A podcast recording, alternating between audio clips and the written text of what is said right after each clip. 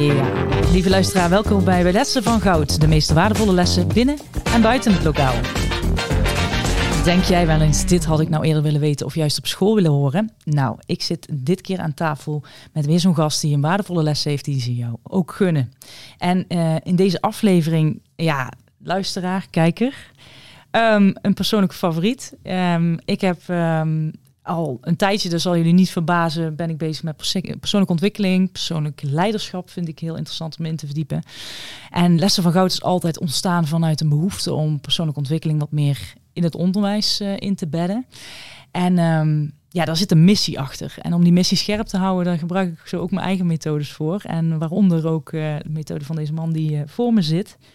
Um, de eindbaas hemzelf, zou ik wel willen zeggen, om een mooie les van goud uh, op te halen. zit ik bij Wigert, Wigert Meerman.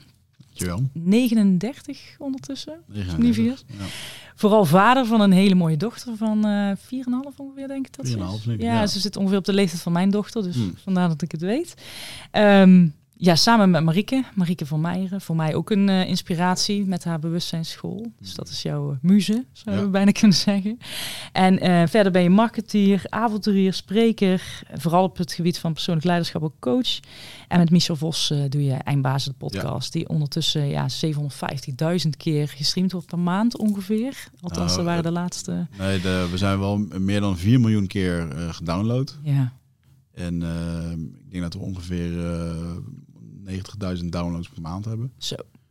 En uh, ja, dat groeit nog steeds. En uh, soms zijn het ook wel, uh, het fluctueert, maar ja, het gaat nog steeds heel goed. Ja, ja dat kan je wel zeggen. Zo, dat zijn aantallen waar ik in ieder geval ook van droom. Maar daarin een voorbeeld. Dus de, daarin al succesvol, maar ook je, zoekt ook wel de randjes op. Je durft ook wel uit je comfortzone te gaan. Hele mooie docu ook van jou gezien, Wilskracht. Ja. Van de week nog een keer herhaald heel mooi hoe je daar ook laat zien dat je de uiterste durft op te zoeken. Ja, en, um, dat is mijn mooiste stukje content. Ja, dat geloof ik. En ook, en ook op eindbasis is dat, uh, op het eindbazenkanaal is dat het, het, volgens mij het best bekeken ja? stuk uh, ja, content dat we hebben. Dus dat is zeker ook voor onze kijkers, luisteraars, eentje die. Uh, nou ja, zeker zien. voor de. Kijk, motivatie is in, in die leeftijdscategorie ehm, vaak een probleem. Ja. Um, omdat ze vaak niet weten van wat ze... Ze moeten een hele hoop. Hè, ze, er wordt een hele hoop van ze verwacht. En ze mogen eigenlijk vaak niet doen wat ze willen. Dus daar raak je ongemotiveerd van. Ja. Uh, maar ik denk dat er ook heel veel ouderen uh, van mijn leeftijd of net daartussen... Uh, die zijn ook... die raken de motivatie kwijt. Want je kunt... Je kunt vijf jaar lang denken dat je iets leuk vindt. Maar op een gegeven moment dan, dan ga je die prijs betalen. Ja. En dan met minder energie, geen zin in werk. En dan op een gegeven moment word je wakker in een burn-out. Ja, dat is natuurlijk ook uh, hip en happening. Ja, en dat is jou ook overkomen. Komen we zo meteen ja, ja, ja, nog wel even op. Ja, het is ook een heel mooi stukje, dus uh, ga hem vooral kijken. Heb je het nog niet gezien, uh, de docu Wilskracht van, uh, van Wegert. En um, ja, uiteindelijk ik kan heel veel over jou vertellen, maar jij bent vooral bezig om mensen te ondersteunen om meer bij hun pure zelf te komen op gewoon alle gebieden. Dat is, ja, ik laat mensen erachter komen wie ze zijn, uh, wat ze willen en hoe dat ze dat kunnen doen. Nou, dat is heel uh, concreet. Heel simpel, ja. Ja, en ik heb, ik heb vandaag ook iemand meegenomen. Ik kom helemaal uit, helemaal uit Eindhoven uh, of regio Eindhoven gereden om hier een Apkoude bij jou een les op te halen. Maar ik heb mijn broer daarbij uitgenodigd. Raymond Reumer. Um, ook op het gebied van persoonlijk leiderschap hier en daar aan het onderzoeken. En um, 35 toch? 36. 36, 36 ja, oktober 36 ja, ja, geworden. Um, ja, vooral broer van mij, maar uh, voor jezelf ook iemand die, uh, volgens mij, voor mij ben je de meest eerlijke, nauwkeurige en handige uh, man die ik zo'n beetje ken. um, vooral bezig ook met sporten, met lekker in je vel, lekker in je, in je mind zitten. En um, jouw hobby's zou ik een beetje kunnen samenvatten als vooral jezelf ontwikkelen, YouTube-docu's bekijken, zorgen dat je fit blijft en vooral ook leuke dingen doet. Ja. Festivaletjes. Ja, daar komt het uiteindelijk op neer. Ja. Bepaalde energie in je leven houdt en inderdaad waardoor je door kan blijven gaan. De passie, zeg maar. Vasthouden. Mooi, Mooi. Ja, ik heb jou uitgenodigd ook omdat eh, we het hebben over de les die je op school had willen leren. En ik ken jou als iemand die op school hier en daar ook aan het zoeken was. En nu, ik heb nog nooit je zo gepassioneerd bezig gezien met dingen leren en opnemen. Dus uh, vandaar ook dat ik het een mooie aanvulling vond om je erbij te vragen. Ehm, om nog iets meer over jullie te weten te komen, werk ik altijd met uh, dilemma's. Dus die heb ik al een paar bedacht. Wigert, als ik jou zou moeten vragen, um, nog een dag bij de commando's of nog een week op je kantoor slapen? Oh, nou, um, liever een week bij de commando's dan nog, dan nog een nacht op mijn kantoor slapen. Oh, serieus? Ja. dat, uh, uh, ja, het had alle twee natuurlijk wel zo zijn uitdaging, maar nee. Uh, en ik, ik werk soms nog steeds wel eens tot, tot laat. En ik weet nog wel dat ik aan mijn boek aan het afschrijven was, dat ik ook tot twee, drie uur hier zat te schrijven. Maar dan is het niet meer noodgedwongen. Ja. Kijk, en um, de commando's deed ik ook vrijwillig. Dus uh, tenminste, ik moet even oppassen. Ik moet hier even voorzichtig zijn met wat je nu zegt. Ik heb meegedaan met, de, met de kennismakingsdagen. Hè. Dat is het enige. Ik heb niet bij de commando's gezeten. Nee. Um, maar nee, met alle liefde. Ik heb ook genoten van die dagen daar. Ja. ja. Dus dat zou je zo weer doen. Ja. Hoe ja. afzien het ook was, want ik heb je zien afzien. Ja, dat wel. Maar je leert jezelf ook wel weer kennen daar. En uh, ik had altijd daar één gedachte. Um, ze laten mij hier niet doodgaan. En, en hè, dus wat er ook gebeurt, als je het niet volhoudt met zwemmen of met doen, ja, wat is dan het ergste dat er kan gebeuren? Dat je helemaal, dat je moe bent en dat je de groep wordt meegetrokken. Ja. Dus uh, daar heb ik inderdaad al van gedacht. En, en, een, en een ander ding is dat ze de tijd, de tijd kunnen ze niet stopzetten. Dus hoe erg het ook is, hoe vervelend het wordt, die tijd die tikt gewoon door. En op een gegeven moment is het klaar. Er komt een moment dat er een einde is. Ja. Nou, Oké, okay, dat heeft je er doorheen getrokken. Oké. Nou. En um, Raymond, binnen of buiten je comfortzone? Buiten. Buiten? Ja, daar, daar, heb ik ook geleerd inderdaad om daar ontwikkeling en groei buiten de comfortzone te treden. Ja, dat is, de, dat is daar de plek waar je het meest groeit. Daar waar Ja. je Daar onveilig... Waar de, daar waar de groei zit. Ja. Ja, daar is het. Ja. Top. En dan had ik nog een hele mooie um, vanwege het. Begint het bij weten of bij voelen? Ja, dat is een mooie vraag. De meeste mensen in Nederland eindigen bij voelen. En denken het te weten. En dat is ook wel een hele interessante, want op het moment als jij geboren wordt, Mhm. ze zeggen, iedereen die met persoonlijk leiderschap bezig is, die, uh, je kan met gedachten, je kan de realiteit uh, creëren, et cetera. Maar op het moment dat jij geboren wordt, dan word je, heb je eigenlijk nog geen gedachten. En word je geboren in een bepaalde realiteit. En als die realiteit is dat jij een dronken vader hebt of een, uh, een huishouden wat, niet, wat, wat onveilig is, dan wordt dat al heel snel jouw realiteit. En, en ga je dus ook zo denken en zo voelen. Ja. kan je eigenlijk niks aan doen. Uh, maar ik denk wel dat voor iedereen geldt, hoe dat ze ook opgroeien, dat, dat iedereen op een gegeven moment denkt van ja, ik weet het wel. En ja, dan op een gegeven moment kom je erachter dat alles wat je geleerd hebt eigenlijk een programmering is. En dat mag je dan weer omdoen. Ja. Dus uh, ja. Dus het begin bij? Ja. Nou, dan doe ik het toch zo. En kijk, een, een baby kan alleen maar voelen. Ja. Daar begint het zeker mee. Ja. En dan komen de gedachten eroverheen. En die uh, maken alles dicht of beschermen alles. Of Ja. komt er een soort harnas. En dat mag dan vervolgens afgepeld worden. Nou, daar zit de interpretatie. En dan... Dus we beginnen bij voelen. Ja. Oké. Okay. En Raymond, begint het bij weten of bij voelen voor jou? Weten denk ik eerst, ja. En daarna inderdaad hopen dat het gevoel er inderdaad bij komt, waardoor je het besef kan krijgen, denk ik. Oké. Okay. Eerst weten. Ja, ik denk het uh, op het moment wel, ja. Oké. Okay. Wellicht komen we er later nog op terug. En ik uh, stel altijd die hamvraag, want uh, als we het hebben over lessen van goud, eh, welke les of docent is er bijgebleven in jouw loopbaan, Wegert? Negatief of positief? Kan beide zijn. Nou, ik zat, uh, ik zat er net over na te denken. En dat is ook wel leuk, komen we weer terug op het stukje commando's. Ik zat vroeger op de MAVO. Mm -hmm. En daar hadden wij een loopbaanbegeleider, meneer Ermers. Ik weet niet of hij nog leeft, misschien wel. Maakt ook niet uit. Um, en ik was toen een jaar of 14, 15. Ik moest vakken gaan kiezen. Uh, ik wist helemaal niet wat ik leuk vond. En ik had altijd het idee dat ik, uh, ik wilde het leger in. Ik wilde bij de commando's. Dat zei ik toen ook. Ik weet nog dat ik toen met hem een gesprek had. Eh, en dan iedere leerling mocht dan een keer één keer in het jaar een half uur naar hem en dan had je een soort gesprek. En toen zei ik van ja, ik wil eigenlijk wel bij de, bij de commando's. En de eerste vraag die hij mij stelde was, maar zou je dat de rest van je leven willen blijven doen? Hm. En ik dacht gewoon als 14, 15-jarige van wow, ja, niet echt over nagedacht. Maar ja, misschien ben ik daar inderdaad na een paar jaar wel klaar. En was ook een hele demotiverende vraag. weet je Ja, wel? best wel. En, en het grappige is dat, dat die man zat toen al bijna tegen zijn pensioen aan. En die stelde mij dus een vraag vanuit zijn eigen perceptie. Omdat deze man gewoon als een dinosaurus 40 jaar eh, leraar op diezelfde MAVO was. Ja. En ja, dat heb ik wel heel erg, dat heb ik heel erg meegenomen in overwegingen van wil ik dit wel echt? En ik had toen een andere leraar, een geschiedenisleraar. En dus, eh, dus heel lang heb ik dat niet beseft, maar ik zat hier net over na te denken voordat jullie hier waren. Toen dacht ik in één keer, hey, mijn geschiedenisleraar, meneer Gerritsen, sowieso was dat een fantastische verteller. Die kon vertellen, dan vlogen de paarden door de, door Mm. de kamer heen. Ja. En dat was een oud commando. Nou, toevallig. Ja, Ja. en eh, die praatte ook zo. En die, eh, maar ik had echt een goede klik met hem. En bij hem was ook iedereen stil. Weet je wel, overal was het een puinhoop, maar bij hem eh, was het goed. En eh, ik weet nog wel dat ik dat tegen hem vertelde. Van, ja, ik wil graag die groene beret.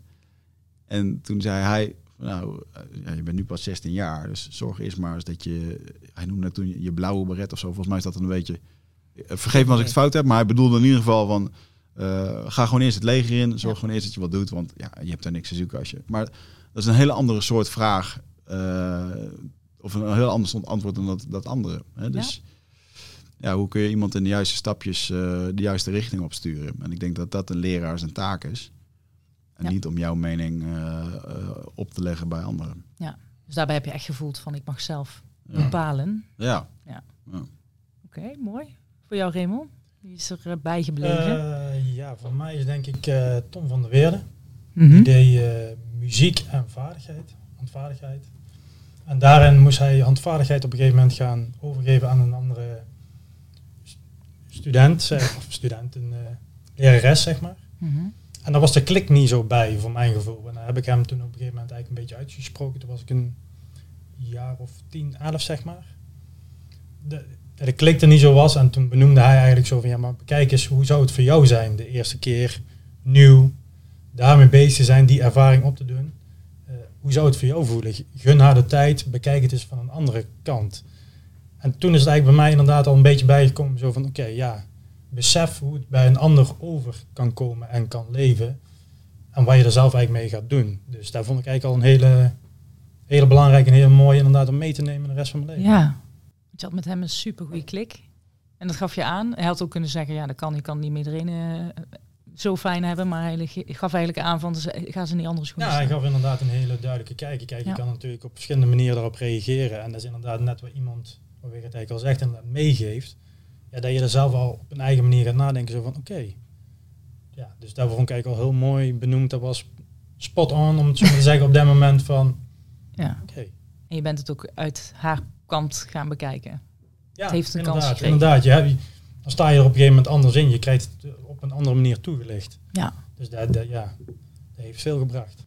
Super mooi. Nou, dank jullie wel. Nou, als ze luisteren, dan eh, bij deze de Ja. complimenten.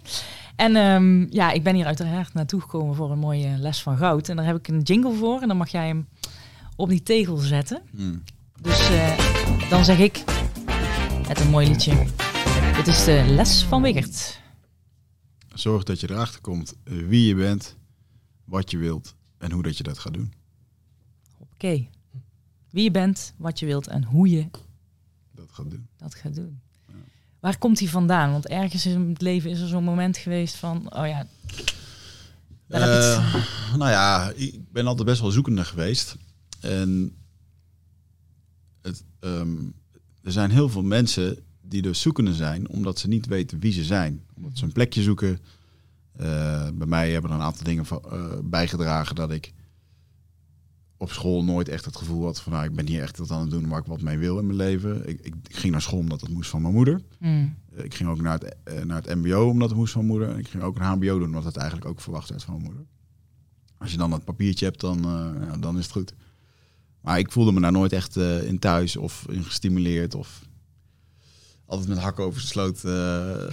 weet je wel, die rapportencijfers en zo. En ja, nee, dat vond ik echt wel een hele lastige. En Eh, er zijn gewoon heel veel dingen gebeurd in mijn leven. eh, in een thuissituatie, in een eh, nou, wat rommelige thuissituatie met een broer die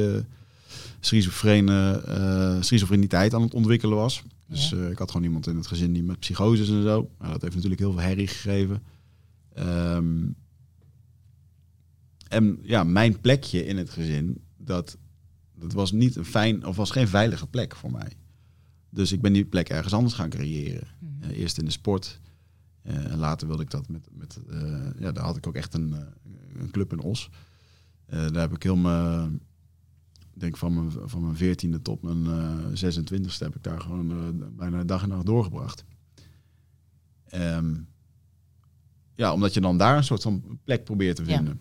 Eh, en later in de wereld. En alleen reizen heeft mij ook heel veel verteld over eh, wie ik ben. En, eh, dus iedere keer kom je wat meer tot de kern.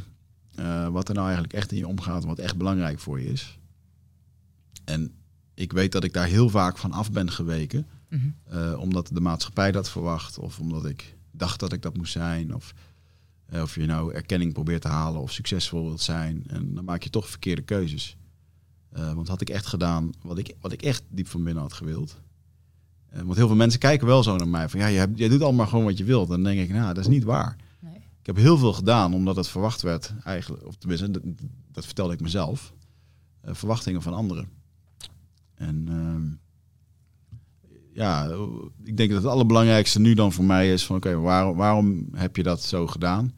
Eh, waarom doe je wat je doet? En ja, dan kom je al heel snel bij wie ben je? Ja, En ehm, dat is een hele lastige vraag, zeker als die vraag nog nooit is gesteld. precies. Ehm, maar daar kom je dus achter door jezelf te testen, door oncomfortabel te worden en te kijken hoe je reageert of hebt gereageerd en waarom dat zo is. En ja, vanuit daar kan je dan weer jezelf gaan vormen naar wat je graag zou willen. Nieuwe stappen zetten. Ja. En waar ergens kwam dat inzicht voor jou? Dat je denkt van, nou, vanaf dit moment ga ik gewoon echt kijken van wie ben ik? Wat wil ik? Ja, dat begon wel een beetje als je natuurlijk met persoonlijk leiderschap bezig gaat. En ik had een, eh, heb ooit een bedrijf opgezet wat niet lekker liep, eh, een start-up. Daar ben ik echt alles in kwijtgeraakt. Mijn huis, mijn geld, Mm. mijn vriendin, mijn relatie. eh, ja, eh, rock bottom. Tien maanden op kantoor geslapen. En toen, toen was er eigenlijk geen ontsnappen meer aan. Want alles wat ik probeerde omhoog te houden, van eh, de succesvolle Wigert en een succesvol bedrijf willen opzetten en niet om hulp willen vragen.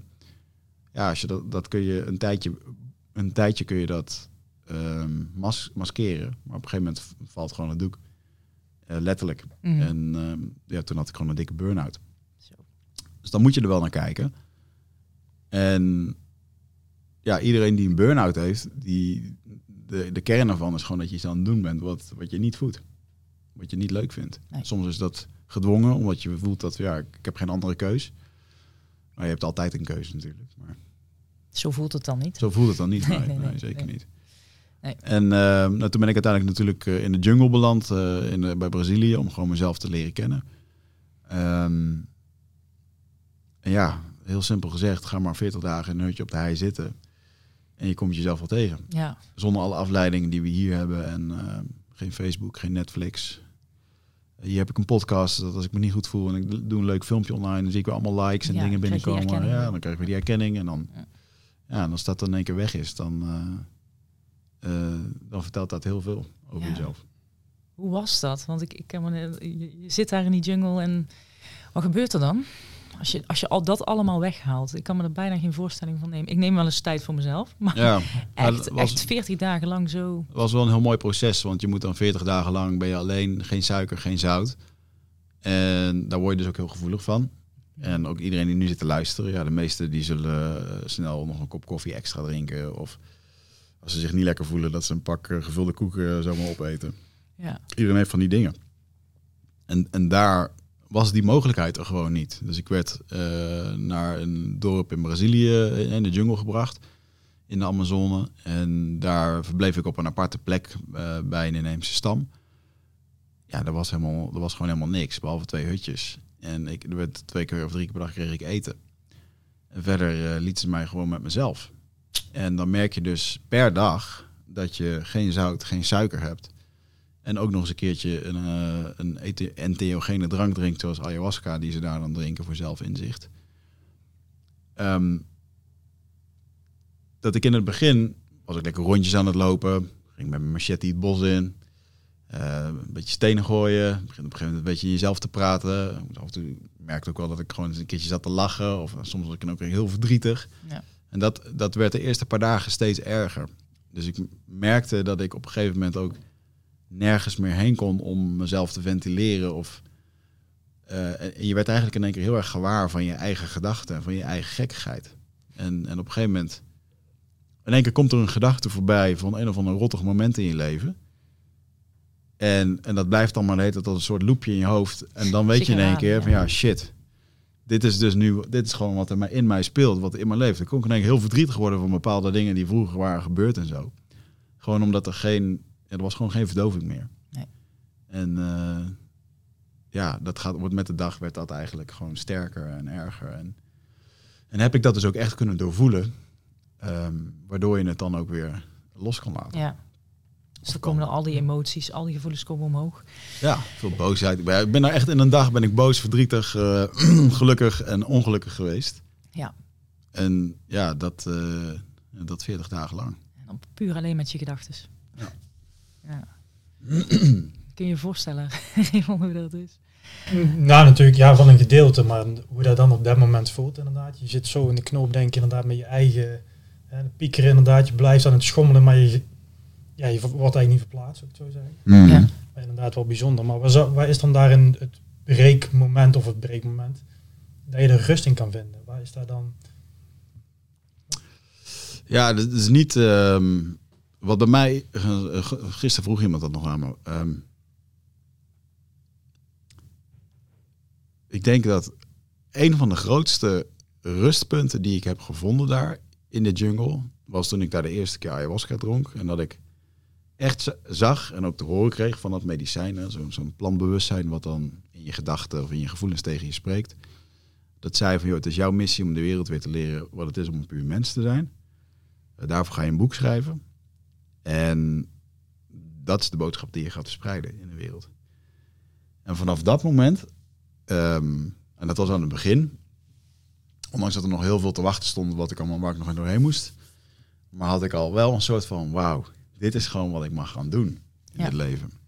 En ik, ik, zie mezelf ook niks anders doen in, het, uh, in de rest van mijn leven. En dat heeft voor mij heel veel rust gegeven. Dus al dat zoeken van wat is het dan wat ik wil en maar dingen proberen en uh, erachter komen dat veel geld verdienen ook niet die leegte opvult. Nee. En dan in één keer dat je denkt van wauw, dat is het. Dus ik kan echt um, kan ontzettend jaloers zijn. Uh, ik ben nu 39, dus ik vind nog steeds ik ben nog relatief jong. Maar kan ontzettend jaloers zijn op uh, jongeren van 23, 24, 25 jaar die al helemaal gevonden hebben wat ze tof vinden. Ja. En, en ook al denken van ja, dit is gewoon vet. En daar gewoon all in op durven gaan. Ja, precies. Kan ik echt jaloers op zijn. Ik wou dat ik dat vroeger had. Want had, dan had ik zoveel meer tijd gehad om mijn dingen te doen. Ja. En nou snap ik ook wel dat um, welke weg je ook kiest, je komt altijd weer op de juiste weg uit. Want als jij nu uh, gaat denken, ja, ik moet heel geld verdienen, bla, bla, bla, en nou, je gaat dat proberen, en dan ga je die weg op. En uiteindelijk heb je heel veel geld verdiend en dan kom je erachter dat dat het niet is. En dan kom je toch weer terug, oké, maar wat is het dan wel? En dan word je eigenlijk weer teruggezet op de weg waar je al mee was. En als je de andere keuze maakt van nee, geld maakt mij niet gelukkig, ik ga een heel ander pad op. Ja, uiteindelijk uh, ga je daar ook weer allerlei dingen in vinden. En ja. Dus hoe dan ook. Het leven leert je, dus welke keuze je ook maakt, ja. je zult uiteindelijk door, uh, ja, het maakt uiteindelijk niet uit. Zeker. Ja. Mooi. En, en je zegt van ja, had ik er eigenlijk maar op school geleerd. Dus, dus wie ik ben, wat ik wil en hoe ik daar kom. Ja. wat, wat zouden we dan moeten aanbieden op school? Wat, hoe komen we daar, wat jou betreft? Uh, nou, ik denk een hele belangrijke is persoonlijk leiderschap. Mm. Dus uh, hoe zet je nou het doel neer voor de komende vijf jaar? Hoe werk je daar naartoe? Hoe ga je dat doel behalen? En ja, dat, dat was echt heel simpel. Dat, ik, ik zit hier wel eens over na te denken. Van hoe kunnen we dit nou op een hele simpele manier maken? En uh, vanuit de Eindbazen podcast hebben we altijd veel met Getting Things Done gedaan, van David Allen. Mm -hmm. ja, als ik mijn dochtertje straks leer om een raket te bouwen, en ik vraag gewoon aan haar van, joh, hoe bouwen we een raket? En zij begint erover. En je leert haar gewoon uh, de vorm van nadenken van, oké, okay, maar als je de raket wil bouwen, dan, dan hebben we wel verschillende dingen nodig, toch? Benzine nodig, moet een raketmateriaal, uh, moet een soort plan gemaakt worden. En dan, dan, zou ik dat gewoon in die stapjes zo met haar doen. Dat als ze voortaan naar iets kijkt, dat ze dat, ze dat ook voor zich ziet. Mhm. En eh, die manier van denken, die is mij nooit aangeleerd. Eh, sterker nog, als ik dat, als ik zei van nou, ik wil een raket bouwen, dan werd er gezegd van ja, dat kan niet. Ja. Snap je? Dus dan, uh, of echt ook zo'n voorbeeld. Ik wilde heel vroeger acteur worden. Was helemaal fan van Arnold Schwarzenegger en Sylvester Stallone. Dat waren toen de, de actiehelden van toen. Mhm. En ik weet nog dat ik, ik zat bij de toneelschool, toneelvereniging in Hees. Ik vond het superleuk. En toen zei ik tegen mijn moeder, ja, ik wil acteur worden. Toen zei ze, nou, moet je naar een toneelschool. Uh, maar ja, daar kan je niet heen, want je hebt geen HAVO. Dus je kan geen acteur worden. Ja, eigenlijk dacht ik, oh, dus ik ben eigenlijk te dom om acteur te worden. Terwijl, als mijn dochter straks op de 12 zegt, joh, ik wil acteur worden. Ja, al heeft ze niveau VMBO, weet je wel. Ga het gewoon doen en ja. uh, go for it. Er zijn meerdere wegen die naar Rome leiden. Ja, dat zijn zo die, die hokjes. En dan, je moet een beroep kiezen. Dan had je 120 van die beroepen. Terwijl als je denkt hoeveel beroepen er wel niet zijn. En je kan ook gewoon je eigen beroep creëren tegenwoordig. Mm. Ik vind dat een mooie vooruitgang dan bijvoorbeeld Apple en, uh, en Google. Die vragen nu bijvoorbeeld ook niet meer naar... Of tenminste, op sommige kantoren vragen ze niet meer naar je um, uh, educatieverleden. Uh, dus diploma's en dingen. Het gaat erom wat je kan. Ja. En dat kan ook zijn dat je zonder diploma uh, echt heel veel kan. Ja, precies. Ja. Zeker in deze tijd. Verandert gelukkig wel het een en ander. Ik merk al dat er meer ook ingestoken wordt op talentpaspoorten. En uh, minder dus het educatieve, maar meer ook op, uh, op het kunnen al. Capaciteiten die je zelf in huis hebt. En jij zegt van ja, ik had te willen leren de stapsgewijs van hoe ik, de, hoe ik dus überhaupt erachter kom wie ik ben. Ja, en ook natuurlijk het stukje, um, ik denk een stukje emotioneel... Um, emotionele opvoeding, omgaan met gevoelens, dingen bespreekbaar maken. Uh, ik geloof niet dat ik dat ooit heb gehad. Nee, niks over geleerd. Maar daar zou het beginnen ook van, ja, hoe, wat voel je überhaupt? Wie, wie ben je? Wat denk je?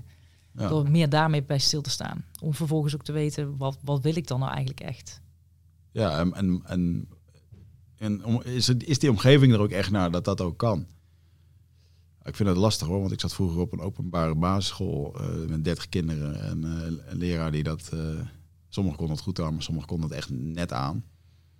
Ja, um, we zaten daarbij op school en je werd gewoon in het lokaal gehouden tot drie uur. En daarna dan, zo voelde dat wel eens. Ja. Ja. Dus um, ja. Het is een uitdaging. Emotionele ontwikkeling is denk ik wel het allerbelangrijkste. Want dat, dat zorgt er al voor dat mensen heel dicht bij zichzelf kunnen voelen wat ze willen.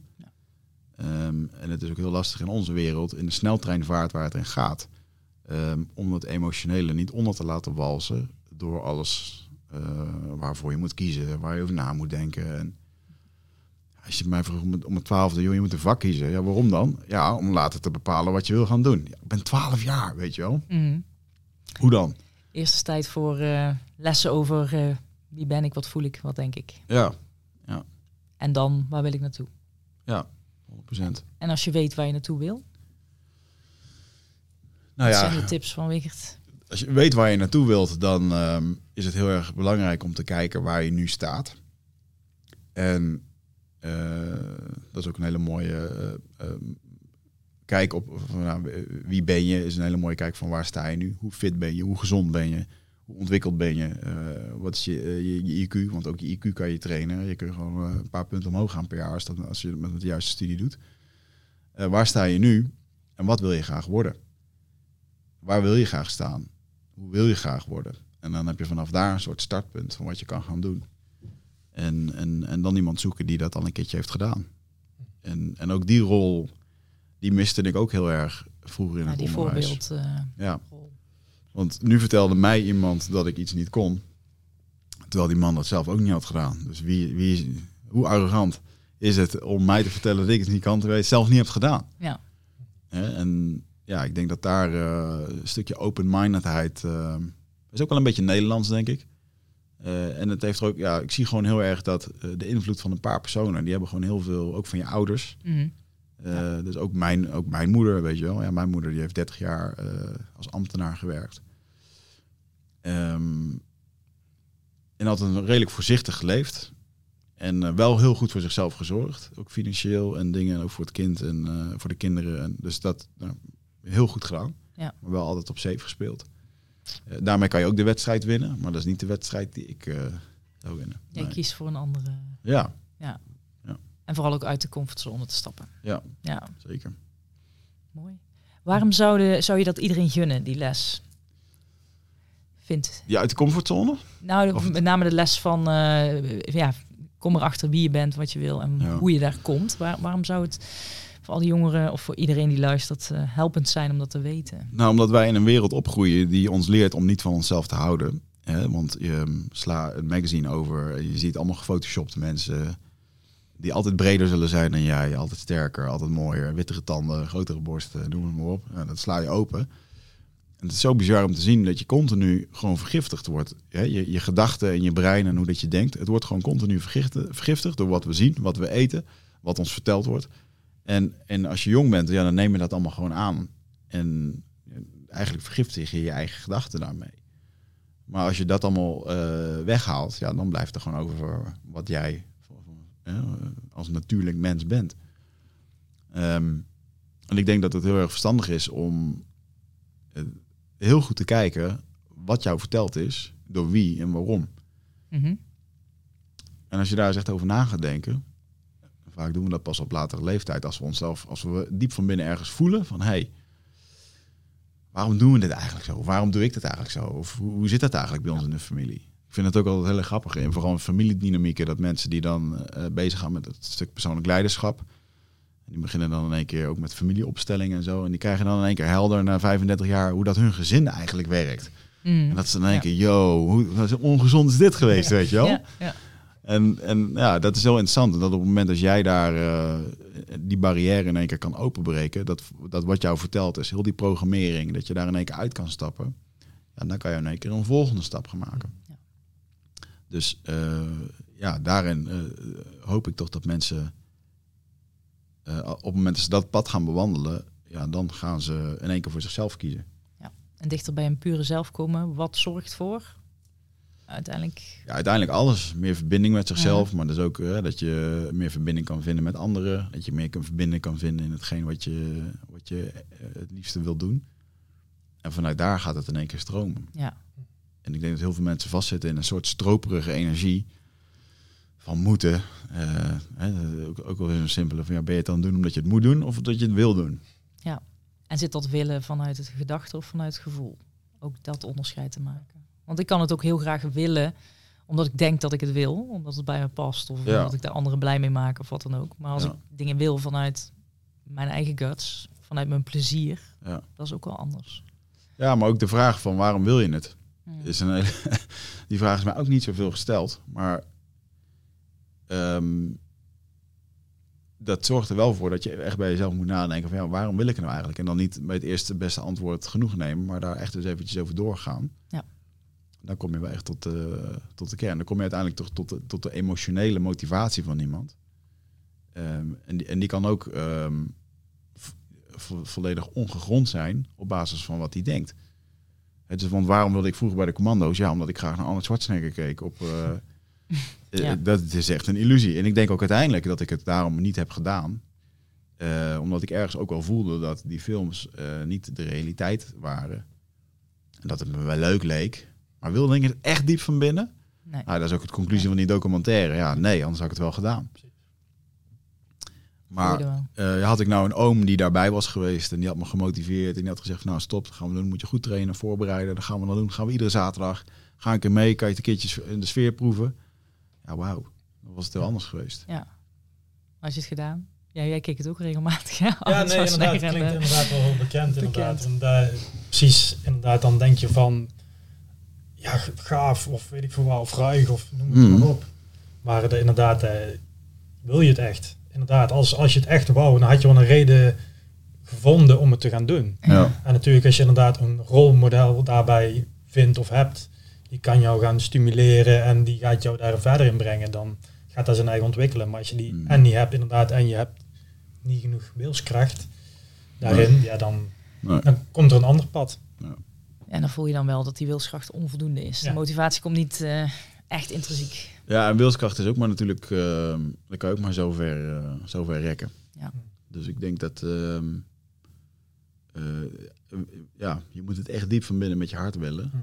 En, dan, en je moet ook gewoon leren om daar overheen te stappen. Dat vind ik ook wel een lastige. het doorbijten in dingen en echt, echt ergens voor gaan. Dat is iets wat je jezelf kan aanleren. En ik heb dat heel erg geleerd in de vechtsport. Um, en dat kwam ook uit laten zien dat ik erbij hoorde en bij dat clubje willen horen wat het beste was. Ja. En dat gaf mij heel veel drive. Maar uiteindelijk was het dus een motivatie ook om gezien te worden en erkend te worden. Precies, dat zat er dan onder. Ja. Als je jezelf die vragen stelt van waarom wil ik dit nou eigenlijk echt, dan kom je er dus ook achter van, oh, het is vanuit een behoefte. Ja. Dus uh, is het dan met name jezelf heel veel vragen stellen om erachter te komen wie ben ik? Wat doe ik nou eigenlijk? Nou, ik denk, ik, denk dat dat ook, ja, dat is een goede. Maar ik denk dat er vandaag de dag wel een soort epidemie, epidemie, epi, epidemie mm. uh, heerst in um, uh, mensen die te veel blijven vragen en te weinig doen. Oké, okay, ja. Want dan kom je dus in een soort loop dat je continu uh, ja, alles afvraagt en alles wil, door, wil, wil doorzien. Terwijl, ga het maar gewoon doen. Ga gewoon drie, dagen, drie maanden, ga eens iets proberen en kijk of je het echt leuk vindt. En uh, ik heb wel heel veel geprobeerd in mijn leven. Mm. En ik wist ook altijd vrij snel, bijvoorbeeld toen ik op het SEAL zat, daar ging ik dan heen, maar ja, ik was veel met sport bezig. Nou, na drie dagen wist ik al, ik ga echt niet de rest van mijn leven in de sportschool uh, slijten. Ik maak het wel af voor mijn papiertje. En het was een soort leuk tijdverdrijf, want dan kon ik daarna lekker uh, sporten. Maar nee, ja, door het te doen kom je erachter, dit is het wel of niet. Ja. En jij bent er nu wel achter wat het is voor jou? Wat ik ga doen. Ja, wat jij echt wil? Nou ja, ja de rest van mijn leven zal ik uh, spenderen bij uh, Indiaanstammen. En uh, ik zal daar gewoon een boek over schrijven en, en die lessen proberen uit te dragen in, om mensen daarin te helpen groeien. Ja. ja, dat is echt wat je ook voelt. Ja. Dat past bij jou, dat is wat je wil. Wat je voelt. Ja. Vorig jaar een keer de waarde van, kernwaarde van mijn bedrijf opgeschreven. En een daarvan was heling. Ehm, en dan eigenlijk alles wat we met het bedrijf Wigert Meerman willen doen, uh, moet heling brengen op een manier. Ja. Dus hè, dat we nu een podcast opnemen waar mensen uh, een, een, kwartje horen vallen. Nou, dat is al een onderdeel van die, van die heling. Um, dat ik mensen meeneem op die reis of, of, of, ze, of ze inspireren of ze helpt daarmee.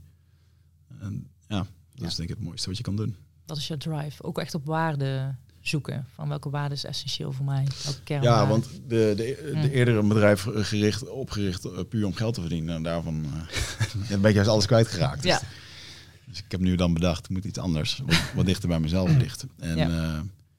ja. en, en ja, ik denk dat, dat ik nu eindelijk heb gevonden wat ik ook echt... En nog steeds, ook al weet je precies wat je wil, is het nog steeds heel lastig. Want ja... Um, ik wil graag een boek internationaal uitbrengen. Dat wil je ook verkopen. Um, nou, je wil graag um, je stempeltje ergens neerzetten. Ja, dat moet ook wel allemaal gebeuren om die boodschap te kunnen verspreiden. Maar ja, hoe ga je dat dan doen? Dus Ja. er zijn iedere keer ook daarin weer uitdagingen. Waarin ik ook wel eens kan denken van, hm, gaat dat wel lukken of doen? Of, uh, dus ik kom mezelf ook wel tegen. Nou, dus weten wat je wil en het hoe, dat mag ook gewoon, dat mag zich ontvouwen van hoe dat dan. Ja, alleen het hele heldere weten, dat is gewoon iets wat je in de verte moet neerzetten. En gewoon iedere dag uh, moet je daar naartoe werken. En um, op een gegeven moment moet je het ook een beetje loslaten. Want het enige wat je kan doen is gewoon iedere dag een stap vooruit uh, zetten. Kleine stappen. Ja. Mooi. Dus voor iedereen die luistert, jij gunt het, weet wie je bent, wat je wilt en hoe je daar komt. Ja. En dan gaan ze mee aan de slag. Ik zet hem op een uh, tegel op Instagram. Met deze riddle. Dus weet wie je bent, wat je wilt en hoe je daar komt uh, van Wigert. En laat vooral ook op die tegel, uh, of onder die tegel achter, wat jij daarvan vindt. En of dat jij weet wie je bent, wat je wilt en hoe je daar komt. Heb je vragen, kan je daar ook uh, stellen. En dan um, ja, rest mij nog om te zeggen, volg ons op Lessen van Goud op de Instagram pagina, Facebook. En onze YouTube-kanaal, waar we onze podcast ook hebben staan. Dus ik wil jou heel hartelijk bedanken voor jouw Dankjewel. tijd en moeite, Wigert. Dankjewel en, uh, dat jullie naar de studio kwamen. Ja, graag gedaan. En Raymond, bedankt voor jouw uh, bijdrage. Ja, en, en dank je, dank je, dank je wel. Lieve kijker, lieve luisteraar. Ik wil ook eventjes tijd nemen om uh, stil te staan bij jullie. Want um, ja, super waardevol dat je kijkt, luistert, dat je ons volgt. Ik, uh, ja, ik zie het toenemen. Uh, de mensen die kijken, die volgen, die delen. Um, dank je wel daarvoor. Want dit is uiteindelijk waar we het voor doen. Lessen delen en uh, nog meer van elkaar leren. Dus blijf dat vooral doen en help me. wil je me daarbij helpen, alsjeblieft? Want um, Heel veel hoor ik buiten de kanalen ook over je reacties, over je opmerkingen of je mooie aanvullingen op die lessen. Zet ze ook even onder die tegels. Dus op Instagram, op Facebook of als je dat niet hebt, YouTube. Laat er even je reactie achter, want dan kan onze gast uh, het lezen, maar ook de andere luisteraars en kijkers. Want dan uh, zijn we nog meer samen aan het delen en het groeien. Lijkt me super mooi. En weet, sommigen weten dat namelijk niet, je kunt op Spotify kun je um, ook sterretjes aanvinken. Dus je kunt ons, uh, onze podcast, podcast kun je beoordelen.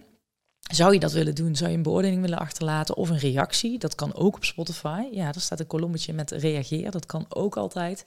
En dat is echt echt mega fijn om terug te krijgen. Want ja, een podcast is toch altijd uh, een beetje eenzijdig. Of in die zin, uh, we zetten een mooi, uh, mooi neer. Maar we, we, we horen dus vooral buiten de socials nu af en toe een reactie. Maar verder krijgen we weinig terug. En we vinden dat wel echt super fijn om, om te horen. Want uiteindelijk is het delen met elkaar. Dus wil je dat doen? En als je op LinkedIn of op uh, Spotify of YouTube dingen doordeelt of wil delen met mensen die het misschien ook heel waardevol vinden of die er iets van vinden of ook zo'n mooie les hebben, doe dat vooral. En even een hashtag lessen van goud erbij. Of je mag mij taggen, Rosita Reumer. Um, dat vind ik uh, heel fijn, want dan weet ik ook waar we naartoe gaan en wie ik mogelijk nog meer zou kunnen uitnodigen en hoe het gedeeld wordt. Um, zou je dat willen doen? Dan uh, help je ons heel erg met het verspreiden van heel veel mooie lessen. En uh, ben jij of ken jij iemand met zo'n mooie les van goud? Laat het ons ook weten. Want in 2023 zijn we natuurlijk weer op zoek naar hele mooie lessen. Ik gun jullie een prachtig mooi 2023 met heel veel waardevolle lessen van goud. Dus veel op je bek gaan en lekker leren. En um, ja, je hebt net uh, Wigert gehoord. Ik gun je ook vooral ehm, dicht bij jezelf komen, weet wie je bent en wat je wilt. En uh, ik gun je dat je daar komt. Echt, allemaal. Nogmaals, dankjewel, lieve luisteraar. En ik zie u bij de volgende Les van Goud.